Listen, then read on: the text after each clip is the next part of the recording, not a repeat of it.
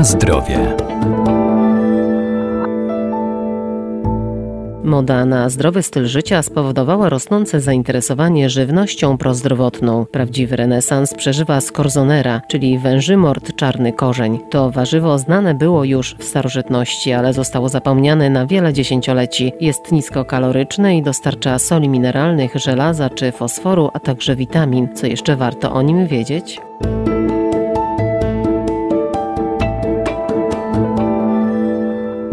Właściwości prozdrowotne skorzonera zawdzięcza m.in. wyjątkowej substancji, dzięki czemu reguluje ciśnienie, obniża poziom cholesterolu czy cukru, a także wzmacnia układ odpornościowy. Substancją, która jest korzystna, a występuje w tym warzywie, jest inulina. Doktor inżynier Monika Michalak-Majewska, Wydział Nauk o Żywności i Biotechnologii Uniwersytetu Przyrodniczego w Lublinie. Jest to prebiotyk, który jest pożywką dla mikroflory bakteryjnej, umożliwia prawidłowe trawienie w jelicie, wzmacnia nasz układ odpornościowy, ponieważ inulina pobudza perystaltykę jelit. Jest to wielocukier z grupy fruktanów, jest nietrawiony w przewodzie pokarmowym. Skorzonera z uwagi na zawartość inuliny polecana jest w diecie cukrzyków. Ma działanie obniżające poziom cukru. Obniża też cholesterol, reguluje ciśnienie, zapobiegając rozwojowi miażdżycy. Wzmacnia odporność, pomaga w leczeniu przeziębień, zwalcza też kaszel. Skład chemiczny skorzonery też powoduje, że jest traktowana jako warzywo, które pomaga w oczyszczaniu z toksyn, w połączeniu z pektynami, z błonnikiem, oczyszcza organizm wiąże szkodliwe związki, przyspiesza ich wydalanie. Polecana była skorzonera dla rekonwalescentów po przebytych ciężkich chorobach. Współczesna fitoterapia też skłania się ku wykorzystaniu jej w leczeniu osób osłabionych, przemęczonych zarówno fizycznie, jak i psychicznie. Jest to warzywo niskokaloryczne, mogłoby być włączone do diety osób, które zwracają uwagę na swoją uwagę. Skorzonera nazywana jest zimowym szparagiem, pewnie też dlatego, że wykorzystać możemy ją właśnie w ten sam sposób jak szparagi. Atrakcyjna, po ugotowaniu około 30 minut gotujemy w wodzie. Podajemy z masłem, z bułką, czyli podobnie jak szparagi, podobnie jak kalafior. Ważne tylko, żeby pamiętać, że takie obrane warzywo powinniśmy przechowywać w wodzie zakwaszonej, dlatego że będzie ciemniała.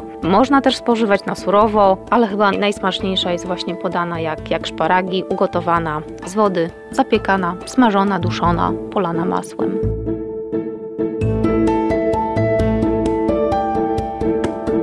Na zdrowie.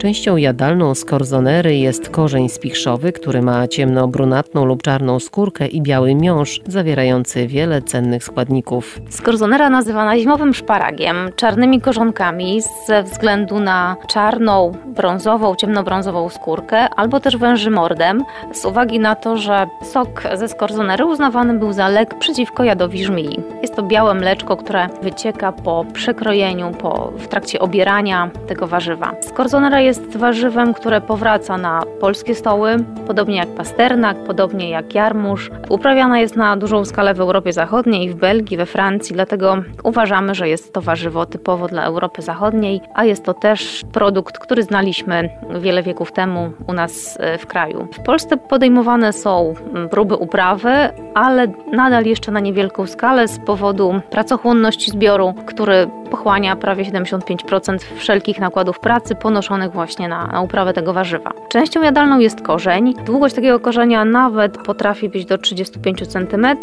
jest tempo zakończony. W części korowej znajdują się kanaliki, które są wypełnione sokiem mlecznym, który wypływa podczas obierania. Ten sok jest biały, niemniej jednak szybko ciemnieje, więc nasze dłonie, naczynia będą zabarwione na brązowo.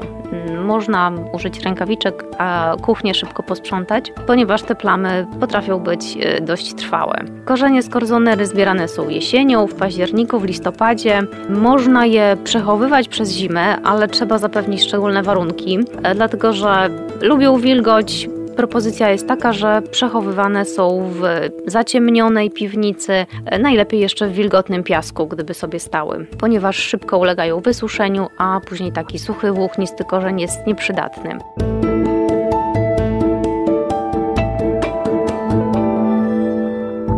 prawdziwy renesans przeżywa także niegdyś zapomniany topinambur, czyli słonecznik bulwiasty, a także pradawne zboża, jak samopsza czy płaskórka.